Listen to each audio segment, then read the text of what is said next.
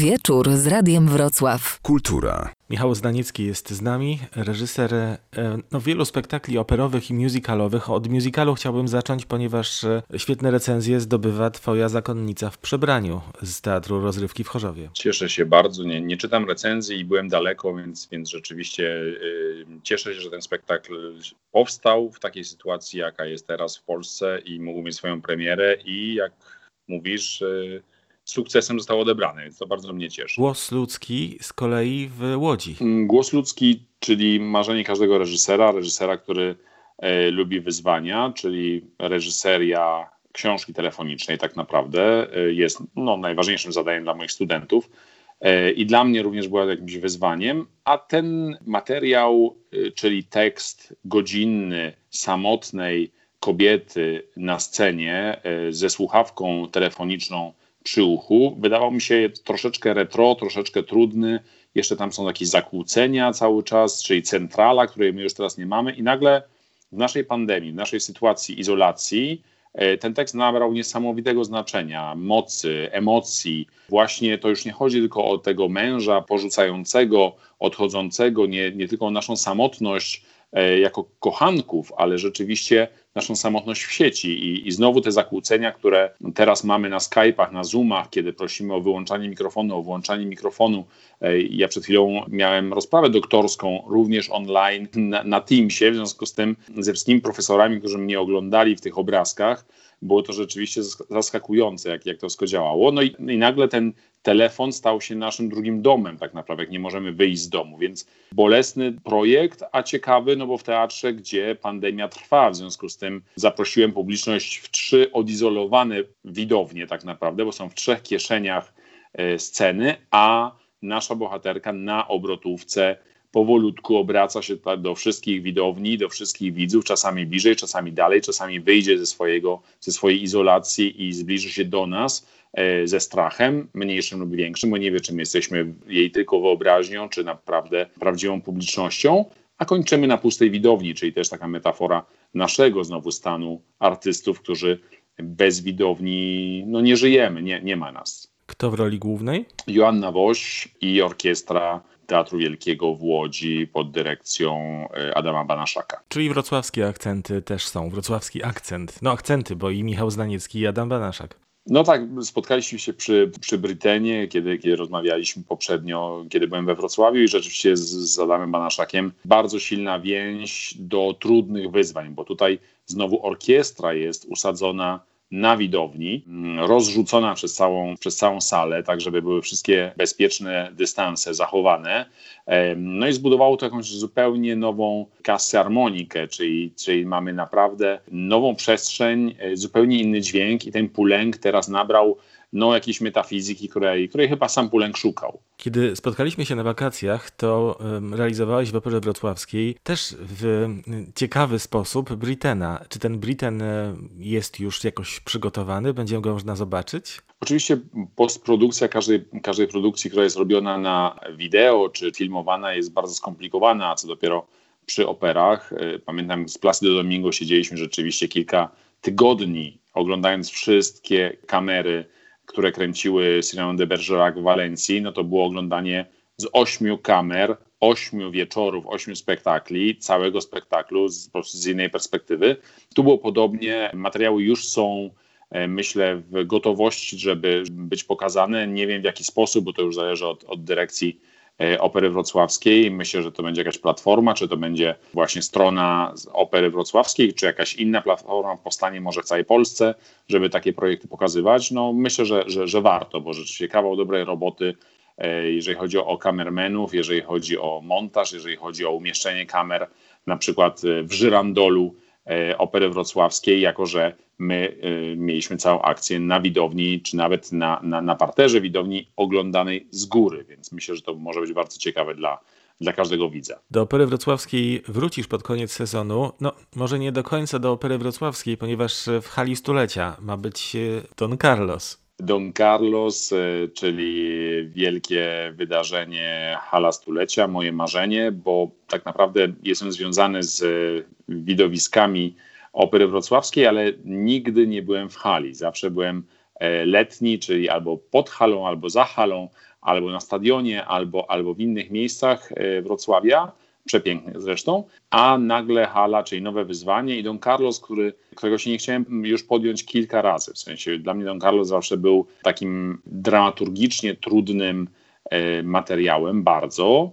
Natomiast tutaj dyrekcja i Mariusz Kwiecień przede wszystkim zapełnił mi taką obsadę, e, że, że tak naprawdę jestem już niepotrzebny, więc, więc e, myślę, że już tutaj na papierze mamy, mamy sukces, a mm, zrobienie tego w hali oczywiście pozwala właśnie rozwinąć sprawę dramaturgiczną Don Carlosa, który może być czasami niespójny, może być no, dość skomplikowany, jeżeli chodzi o emocje, to akurat nie, ale jeżeli chodzi o politykę, która jest w tej operze, która jest najbardziej polityczną operą naszego Verdiego i tak chciał i dlatego była ciężko czasami ją robić w dziwnych sytuacjach politycznych w różnych krajach, natomiast tutaj rzeczywiście nam się wszystko zgadza. Budujemy dyktatora, który się pojawia, budujemy rebeliantów, budujemy kobiety, które w partyturze Verdiego też się pojawiają w dziwnych momentach i z dziwnym e, tematem i z dziwnymi postulatami tak naprawdę, więc, więc myślę, że to będzie bardzo ciekawe jak pokazać Don Carlosa, żeby dotyczył znowu nas, czyli publiczność, która przyjedzie,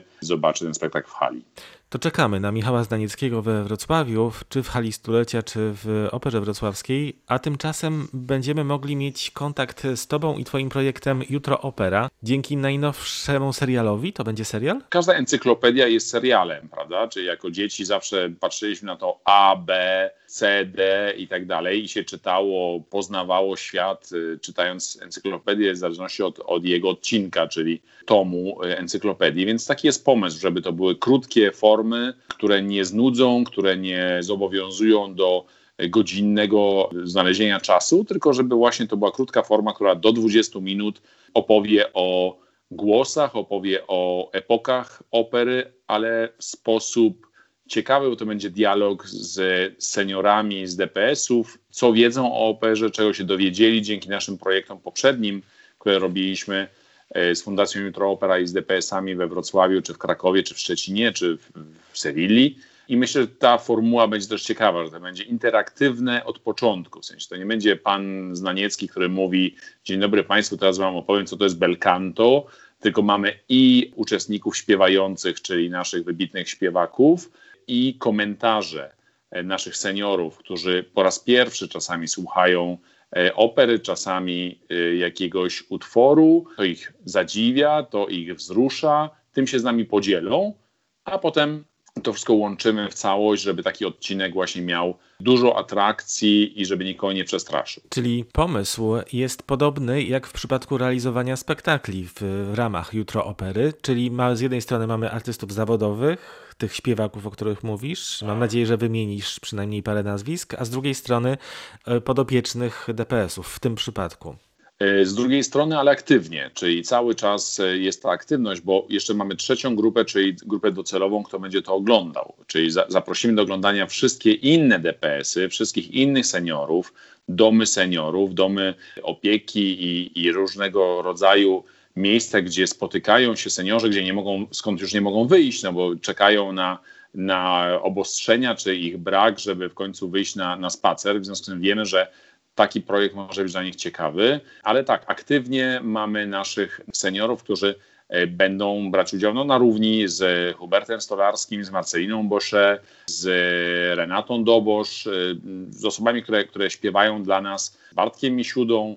Rzeczywiście mamy zaproszonych gości, którzy zgodzili się, e, żeby, żeby nagrać utwory, które reprezentują albo ich głos, na przykład Michał Sławecki, czyli, czyli kontratenor, albo jakąś epokę, czyli właśnie belcanto, czy, czy melodramat, czy określenie e, sopran liryczny, sopran koloraturowy. Tak jakby mamy, mamy takich gości, ale bardzo ważnymi uczestnikami czynnymi są właśnie e, nasi seniorzy, którzy będą to komentować, którzy będą odkrywać razem ze mną, czym jest opera, nawet dla osoby, która nigdy w tej operze nie była. Czy te odcinki są już gotowe? Większość jest już, jest, jest już gotowa, e, jako że otworzyliśmy troszeczkę puszkę Pandory, czyli od nieśmiałych komentarzy naszych seniorów doszliśmy do tego, że nie możemy zatrzymać montażu i zatrzymać postprodukcji naszych odcinków, bo mamy coraz więcej głosów, czyli mamy coraz, oprócz śpiewających, którzy już nagrali wszystko w maju chyba wręcz, a tutaj mamy coraz więcej osób e, właśnie z DPS-ów, z instytucji, z którymi współpracujemy, już nie tylko sami goście DPS-ów, którzy tam są, ale również e, ich opiekunowie, zaczęli uczestniczyć, śpiewać, próbować swoich sił. Rozkręcili się na tyle, że rzeczywiście zaczęli dodawać swoje nie tylko komentarze tekstowe, ale komentarze próbując śpiewu klasycznego, operowego. Od pielęgniarzy czy opiekunów, no po pacjentów czy po gości e, e, takich instytucji. Każdy spróbował, co to jest ten sopran, co to jest mezzosopran, jakim są głosem. No i dosyłają nam te materiały. W związku z tym widzę, że sami nie chcą zakończyć tej części aktywnej, bo potem dostaną materiał, dostaną swój odcinek, będą mogli go oglądać, siebie oglądać w nim również, dzielić się z tym z rodziną na przykład, która może być daleko, ale cały czas dosyłają jeszcze, jeszcze raz posłuchałem tej kasty diwy, no i tam pomyślałam, że ona w tej sytuacji depresji, w której teraz możemy być, nas sublimuje, że to nie jest takie byle jakie, tam jest potrzebna dyscyplina i my tacy powinniśmy być, bo sopran to jest głos wysoki, a my dążymy do wysokości. W związku z tym ja nie mogę takiego komentarza wyrzucić, mówiąc, już jest gotowy odcinek i mm, sorry, ale, ale taki komentarz zostaje między nami. W związku z tym rzeczywiście cały czas dobudowujemy. Ja jeszcze twardo mówię, że nie może przekroczyć 20 minut, ale będzie trudno, więc myślę, że będą półgodzinne te odcinki. Kiedy pierwszy? Pierwszy odcinek będzie kolaborowany właśnie w innych DPS-ach, to będzie na razie w zamkniętym obiegu, tak żeby najpierw, żeby też takie zbudować uprzywilejowanie troszeczkę, że jednak to jest dla seniorów, dla nich najpierw to będzie dostępne, żeby mogli to obejrzeć wspólnie, żeby mogli potem z nami to przedyskutować, no bo oczywiście Magda Sowińska z Fundacji Jutro Opera będzie miała kontakt ze wszystkimi, gdzie będą pokazywane e, nasze materiały, żeby też nagrać ich komentarze, bo to będą następne odcinki tak naprawdę. Co się wydarzyło po tym i czego właśnie by chcieli, bo może zaraz nam dodadzą e, nowe pomysły, czyli że jest Sopran Spinta, o tym nie rozmawialiśmy, czy jest Wagner, którego ja unikam i uciekam od niego i o nim prawie nigdy nie mówię, czy, czy, czy właśnie jakieś inne ciekawostki, które by chcieli poznać. Więc tak jakby to jest wszystko w budowie. Na kiedy się można spodziewać emisji już internetowej? No myślę, że emisja otwarta dla, dla wszystkich to będzie grudzień, żebyśmy zrobili prezent po prostu taki świąteczny dla rodzin naszych e, seniorów. E, oni już się napatrzą, nasłuchają, nacieszą sobą, a w grudniu może właśnie świątecznie wpuścimy to już do, do, do jakiegoś systemu, platformy, gdzie będzie można z tego korzystać i, i, i każdy będzie mógł skorzystać. Myślę, że to jest, to jest taki plan. Nie mogę nie zadać tego pytania, skoro pojawiło się to nazwisko w naszej rozmowie. Dlaczego Michał Znaniecki unika Ryszarda Wagnera? Z powodów poglądów kompozytora, czy z powodów e, muzycznych? Ja nigdy nie, nie, nie łączę życia prywatnego i poglądów kompozytorów, bo byśmy połowy z nich nie grali to samo chodzi o dyrygentów i, i śpiewaków, ale ja mam problem z Wagnerem mm, taki potrójny. Po pierwsze, według mnie zabił publiczność, bo zgasił światło na widowni. W związku z tym publiczność została pozbawiona dialogu, została pozbawiona tak naprawdę e, możliwości reakcji, która wcześniej była wspaniała, bo można było rzucić kurczakiem, bo przecież można było jeść w teatrze. I, i to wyłączenie światła tak jakby wyłączyło połowę energii publiczności i przestaliśmy mieć prawdziwy dialog z publicznością, bo stało się to miejsce na piedestale, święte, a ja jestem odwrotnie. W sensie dla mnie opera jest bardzo popularna i powinna być popularna i ten, ten projekt właśnie też to pokazuje. A z drugiej strony Wagner wszystko opowiada. W związku z tym, po co mu reżyser? Ja zacząłem projekt e, tetralogii w Oviedo, w teatrze w Oviedo, która bardzo dobrze szła, aż do momentu Zygfrida, kiedy naprawdę powiedziałem, już nie dam rady bo wszystko jest tam opowiedziane. Każda nuta coś znaczy, coś opowiada. Mówię też o leitmotywach i ja ciągle muszę nawiązywać do tych samych tematów. Więc ja mówię, Wagner chyba nie potrzebuje reżysera. Jest najlepszym reżyserem, bo takie były jego ambicje przecież. W związku z tym jest to takie odrzucenie według mnie z jego strony, że mówi, po co mi reżyserzy, ja wszystko tutaj włożę i przez to mnie dusi. Jako widz, już jako reżyser wiadomo, że że będę go unikał. Natomiast jako widz, ja po 15-18 minutach najlepszego Wagnera, Bayreuth, La Scala, na które chodziłem, żeby się przekonać, ja się dusiłem. Moja fantazja, moja wyobraźnia została po prostu stłamszona zupełnie, bo mi wszystko opowiedział. Ja, mówię, ja wolę Rossiniego, który powtórzy 10 razy to samo, ja sobie muszę wyobrazić jakieś światy. Nawet jeżeli to jest prymitywne, jeżeli to jest powtórkowe, to ja jestem jako człowiek pobudzony, a nie zarzucony po prostu mówiąc tak, masz to zrozumieć, jak ja to napisałem i nie mam wolności. Więc, więc z Wagnerem no, jest to skomplikowane. Jaki tytuł i którego kompozytora zapładnia wyobraźnia reżyserska Michała Zdanieckiego po głosie ludzkim? Ważny eksperyment, e, jako że głos ludzki już był próbowany na odległość, czyli